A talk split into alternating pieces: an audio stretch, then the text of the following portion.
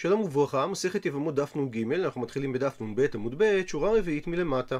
הגמרא עסוקה כרגע בלמצוא מה נקודת המחלוקת בין רבי שאמר שמי שחלץ ליבימתו וחזר וקידשה, אז זה תלוי. אם הוא קידשה לשום אישות צריכה ממנו גט, ואם הוא קידשה לשום יבמות היא לא צריכה ממנו גט. לעומת זאת, וחכמים אומרים שבין שקידשה לשום אישות, בין שקידשה לשום יבמות, היא צריכה ממנו גט. והביא הגמרא את דעתו של אביי, שהעמיד את המחלוקת שאמר לה היבם התקדשי לי במאמר יבמין, אשר רבי סבר שמאמר יבמין זה דבר שמתווסף על הזיקה, והרי החליצה הפקיעה את זיקת הייבום, ולכן במקרה כזה היא לא מקודשת. חכמים לעומת זאת, לא קושרים בין שני הדברים, אלא זיקת הייבום היא דבר בפני עצמו, והקידושים במאמר יבמין זה דבר בפני עצמו. ולכן למרות שפקעה זיקת הייבום, היא מקודשת במאמר יבמין. מביאה עכשיו הגמרא עוד ארבעה פירושים אפשריים במה נחלקו רבי ורבנן. רבא אמר, אידה אמר לה במאמר יבמין את מקודשת, כולי עלמא לא פליגי, בזה לא יחלקו רבי יהודה וחכמים, שוודאי שזה דמהניה, שהקידושים הללו מועילים. ואחא במאי עסקינן, וכאן במה מדובר שהם נחלקו, כגון דאמר לה, התקדשי לי בזיקת יבמין. שבמקרה כזה רבי סבר, הפכנו דף, יש זיקה, ועתה חליצה, הפקה לזיקה. זאת אומרת, זיקת הייבום שקיימת בין היבמה ליבם היא דבר חזק, והסיבה שקידושי דה רבנן תופסים כאשר אומרים אותם בלשון הזאת של התקדשי לי בזיקת יבמין, זה רק בגלל שאכן הזיקה הזו קיימת. אבל אם הוא אומר את הלשון הזאת אחרי שהוא חלץ לה, הרי פקעה זיקת הייבום, וממילא הוא לא יכול לקדש אותה בלשון הזאת. ורבנן סברי לעומת זאת אין זיקה, דהיינו זיקת הייבום היא לא דבר עם כוח כזה חזק בין היבם ליבמה, וכמו שמעיקרא, אילו אמר לה התקדשי לי בזיקת יבמין מי לא מהני, אז השתנה ממהני. אז כמו שאם הוא היה אומר לה, התקדשי לי בזיקת יבמין, זה נחשב קידושים דה רבנן, וזה לא תלוי בכוח החלש שקיים לזיקת הייבום, אז אותו דבר, גם אחרי החליצה שזיקת הייבום בטלה לגמרי, אמירת התקדשי לי בזיקת יבמין תועיל כדי שהם יהיו מקודשים. הסבר שלישי למחלוקת, רב שרביה אמר, בחליצה כשרה אי דאמר לה התקדשי לי בזיקת יבמין, אז כולי עלמא לא פליגי דלא מהני. כי רב שרביה מבין שגם חכמים סוברים יש זיקה, ואם בוצעה חליצה כשרה, הרי היא הפקיעה את זיקת הייבום. והכה בחליצה פסולה כמפלגי. כאן מדובר כגון שחלץ אחר הגט, שזה מה שנחשב חליצה פסולה.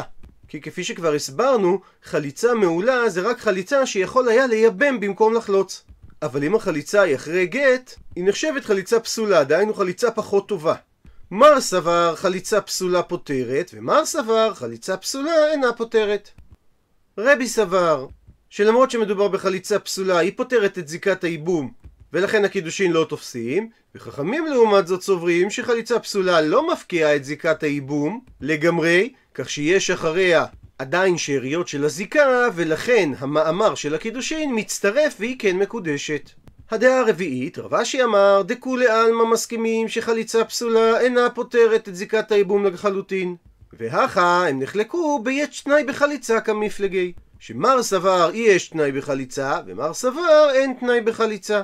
מסביר רש"י, כאשר הוא חלץ לה והוא התנה לה תנאי, למשל על מנת שתיתן לו 200 זוז. והיא לא קיימה את התנאי הזה. אז רבי סבר אין תנאי מועיל בחליצה, כך שאפילו אם היא לא נתנה לו, זה נחשב חליצה, וממילא הקידושים לא תופסים. שהרי הוא עשה את המאמר בלשון זיקת יבמין אחרי החליצה, והחליצה הפקיעה את הזיקה. וחכמים לעומת זאת הסברו, יש תנאי, אז כל זמן שהיא לא קיימה את התנאי, אין החליצה פועלת, וממילא היא לא הפקיעה את זיקת הייבום, אז כשהוא אמר לה התקדשי לי על ידי כסף זה בזיקת יבמין, חלו הקידושין. הסבר חמישי ואחרון, רבינה אמר, דכולי עלמא סוברים שיש תנאי בחליצה, והכה בתנאי כפול כמפלגי. שמר סבר באינן תנאי כפול, ומר סבר לא באינן תנאי כפול. בסוף פרשת מטות מסופר שהשבטים גד ראובן וחצי שבט המנשה מבקשים לקבל נחלה בעבר הירדן. משה מסכים לדבר, אבל הוא מציב תנאי. ובתנאי הוא מפרט את שני צדדי התנאי. ויאמר משה עליהם, אם יעברו בני גד ובני ראובן איתכם את הירדן כל חלוץ למלחמה לפני השם ונכבשה הארץ לפניכם, אז ונתתם להם את ארץ הגלעד לאחוזה. והצד השני, ואם לא יעברו חלוצים איתכם ונוחזו בתוככם בארץ כנען. ואומר אבינה שנקודת המחלוקת היא במצב שהוא לא כפל את התנאי. שלשיטת רבי צריך כדי שתנאי יתפוס שהוא יהיה כפול כתנאי בני גד ובני ראובן, כפי שראינו מה אם כן ומה אם לא, כשהוא ביצע את החליצה הוא לא כפל את התנאי באופן הבא שאם תתני לי 200 זוז זה חליצה ואם לא תתני לי זה לא חליצה. ולכן החליצה תופסת ולכן הקידושים לא תפסו. מה שאין כן לרבנן שאין צורך להתנות תנאי כפול ולכן אי קיום התנאי מבטל את החליצה ולכן לשיטתם הקידושים תפסו. ציטוט מהמשנה, נראה אותו בתוך המשנה, שאם הוא קודם חלץ ועשה מאמר נתן גט ובעל, או שהוא קודם בעל ועשה מאמר נתן גט וחלץ, אין אחר חליצה כלום. שואלת על כך הגמרא, וניתננה מי אין אחר ביאה כלום. שהרי יותר שייך שהמשנה תסיים בלשון אין אחר ביאה כלום, שהרי זה המקרה האחרון שעליו דיברה המשנה. שלגביו אין משמעות למשפט אין אחר חליצה כלום. עונה הגמרא שאכן אביי ורבא דאמרת רביו ששניהם אמרו תענה תשנה בלשון המשנה אין אחר ביאה כלום. ולא צריך בנוסף לכך לשנות גם שאין לאחר חליצה כלום, שאנחנו מבינים שאם אין אחר ביאה כלום אז הוא הדינמי שאין אחר חליצה כלום. וזה מה שנחשב לישנא קלילה, לשון קלה, שמספיק לשנות את הדין או בביאה או בחליצה ואני אבין את הדין השני. ותנא דידן וגרסת התנא שלנו שלא נקט אין אחר ביאה כלום, אלא אין אחר חליצה כלום, זה משום שהתרת יבמה לשוק עדיף עלי. שלמרות שהמקרה האחרון מדבר על ביאה ולא על חליצה, בכל זאת נקט התנא שאין אחר חליצה כלום, כי היתר יבמה לשוק חביב עליו. ולכן הוא רצה לשנות אותו, ומזה אפשר גם ללמוד שאין אחר ביאה כלום. והסיבה שהוא לא שנה את שני המשפטים, כי יש בדבר טרחה יתרה. לומר אין אחר ביאה ואין אחר חליצה כלום. לכן הוא העדיף לומר רק אין אחר חליצה כלום, שזה הדבר שחביב עליו. ציטוט מהמשנה, אחד יבמה אחת, אחד שתי יבמות. הוא מדייק את הגמרא שמתניתין דלא כבן עזאי, דתניא, שכך שנינו בברייתא. בן עזאי אומר, יש מאמר אחר מאמר בשני יבמין ויבמה אחת, ואין מאמר אחר מאמר בשתי יבמות ויבם אחד. בן עזאי סובר שאין מאמר אחר מאמר כאשר מדובר על שתי יבמות ויבם אחד. ובזה הוא חולק על דעת חכמים, שאמרו בתחילת המשנה שיש מאמר אחר מאמר גם ביבם אחד. ציטוט מהמשנה כיצד, מאמר לזו וכולי. שואלת הגמרא, לימה מסייע לי, האם ניתן לסייע מנוסח המשנה לשמואל דאמר שמואל, חלץ לבעלת מאמר, לא נפטרה צרתה. זאת אומרת, שבגלל שהחליצה מבוצעת לבעלת המאמר, וגם אחרי החליצה היא תצטרך גט למאמרו, אז זה לא נחשב חליצה מעולה, ולכן היא לא מפקיעה את זיקת הייבום מהצרה שלה, והיא תצטרך חליצה בפני עצמה. וזה אולי תולם לנוסח המשנה, שהמשנה אמרה שהוא עשה מאמר לזו וחלץ לזו, דהיינו לשנייה. כך שהחליצה היא חליצה טובה כי היא לא בוצעה לבעלת המאמר. וכמו שזה מסייע לשמואל, ניתן לומר וטיובתא דרב יוסף, שהרי הוא אמר בדף מ"ד לא ישפוך אדם מי בורו כשאחרים צריכים להם. ואם הוא חולץ לחברתה שבה לא נעשה המאמר, ובנוסף לכך הרי הראשונה צריכה גט, אז נמצא שהוא פוסל את שתיהם מן הכהונה.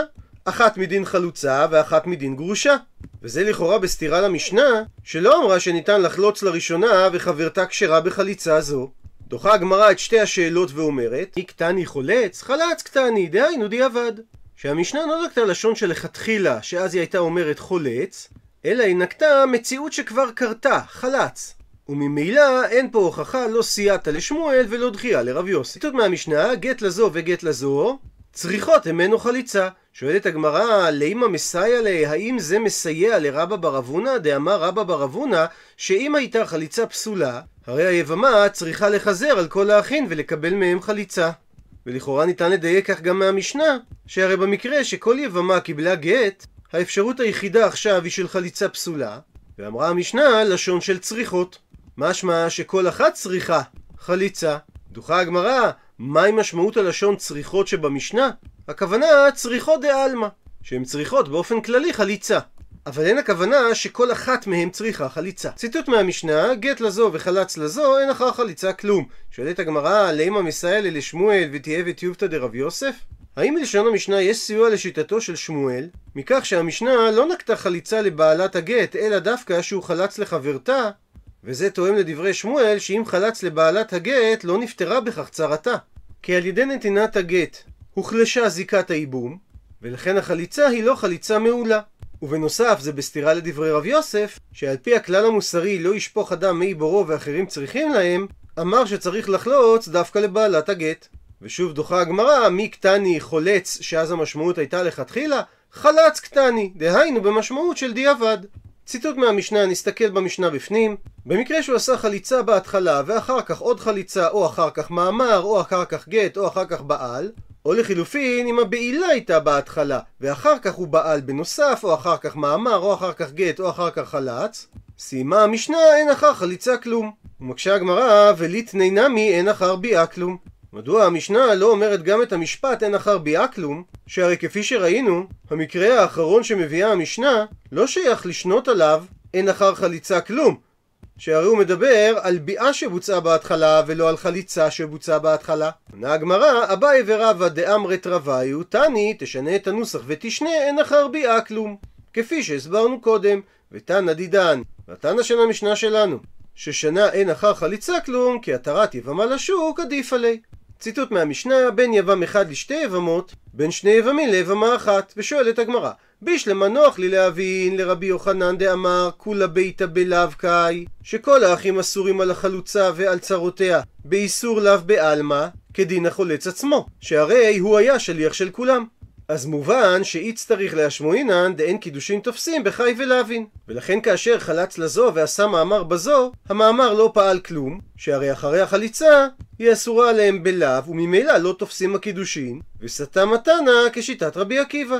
אלא לשיטת ריש לקיש דאמר כולה ביתא בכרת קאי, שכל האחים נמצאים לגבי היבמה וצרתה, באיסור כרת, חוץ מהחולץ, כלפי החלוצה, שהוא אסור עליה רק באיסור לאו שלא יבנה, האם יצטריך להשמועינן דאין קידושים תופסים בחייבי כריתות? והרי זה דבר פשוט. עונה על כך אמר לך ריש לקיש. אתה מקשה שלשיטתי אין חידוש במשנה?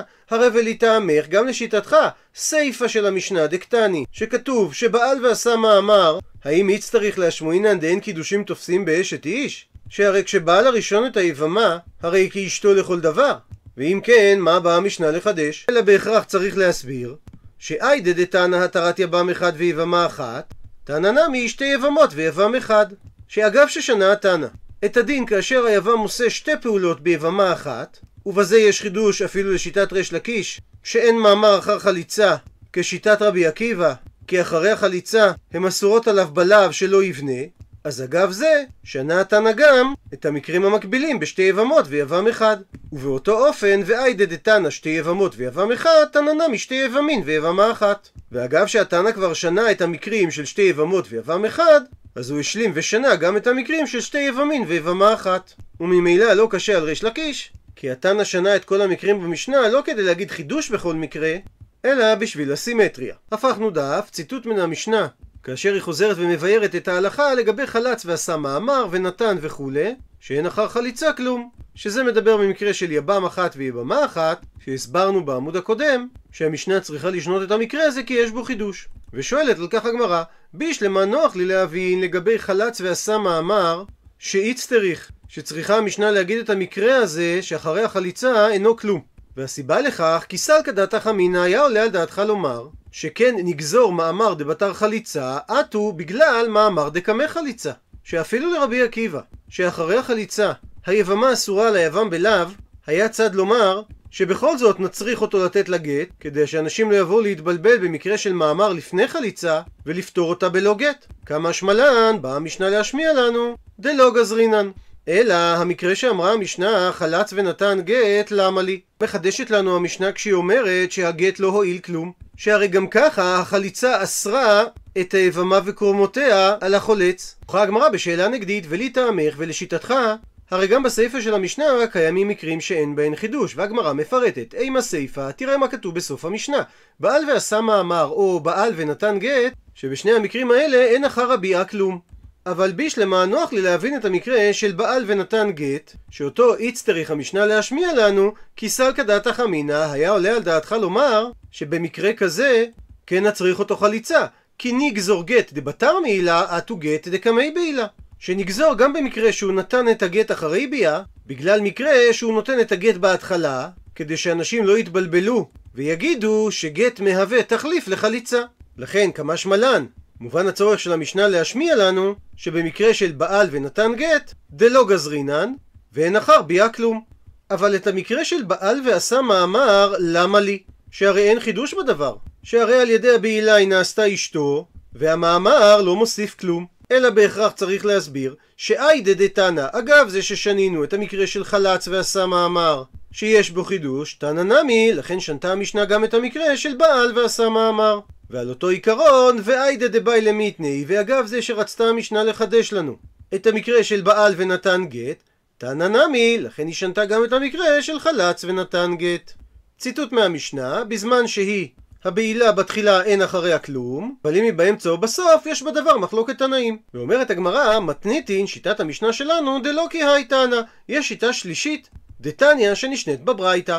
אבא יוסי בן יוחנן איש ירושלים אומר משום רבי מאיר, אחת בעילה ואחת חליצה, אם הן מבוצעות בתחילה של התהליך אז אין אחריה כלום, אבל אם הן מבוצעות באמצע ובסוף של התהליך, אז יש אחריה כלום. מבארת הגמרא את המחלוקת המשולשת, ושלוש מחלוקות בדבר. תנא קמא של המשנה סבר, שצריך לחלק בין חליצה פסולה שאין אחריה כלום, לבין ביאה פסולה שיש אחריה כלום. והסיבה, כי בביאה פסולה דאיכא למגזר גזרינן, שאנשים יכולים להתבלבל, שביאה פסולה דהיינו אחר גט תועיל לגמרי, והם יתירו בעילה גם אחרי חליצה.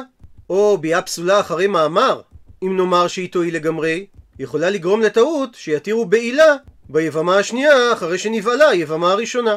ולכן גזר תנא קמא שבביאה פסולה יש אחריה כלום, דהיינו שמה שנעשה אחריה יש לו תוקף. אבל במקרה של חליצה פסולה, דליקה למי גזר, שאין מה לגזור כי אין חשש בחליצה פסולה שבוצעה אחרי גט או אחרי מאמר, שאנשים יבואו לטעות כמו שביארה הגמרא בדף נ', אז לכן לא גזרינן.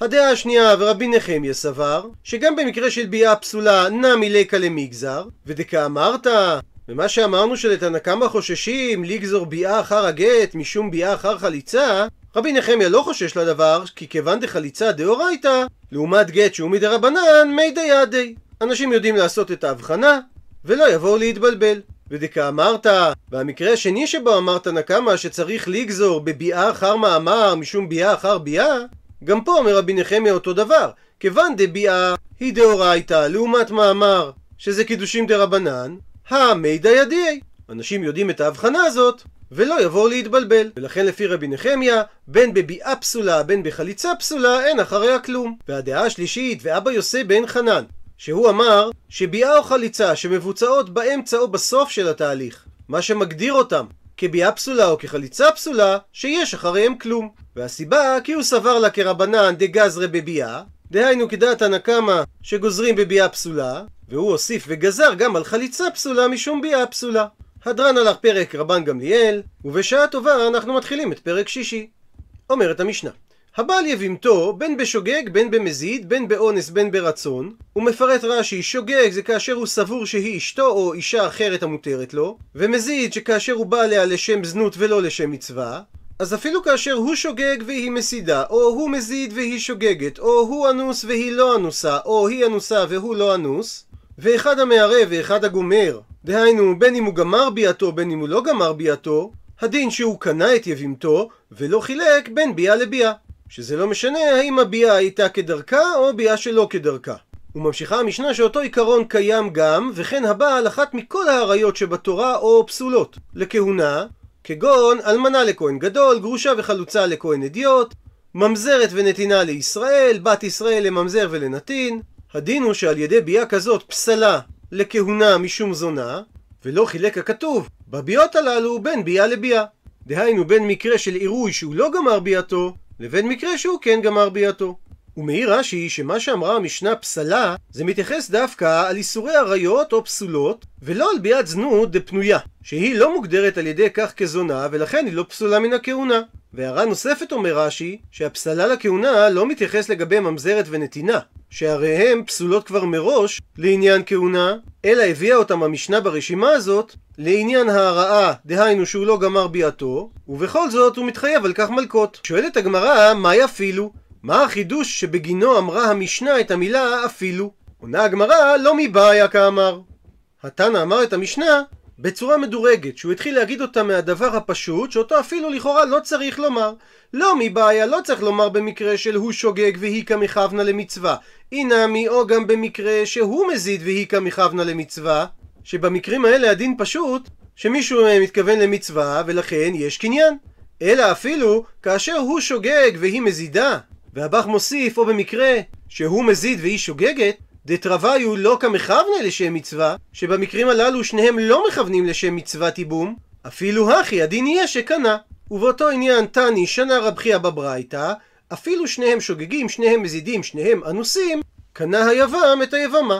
ושואלת על כך הגמרא, אנוס למתניתין איכי דמי. באיזה מציאות מדברת המשנה כשהיא אומרת אנוס?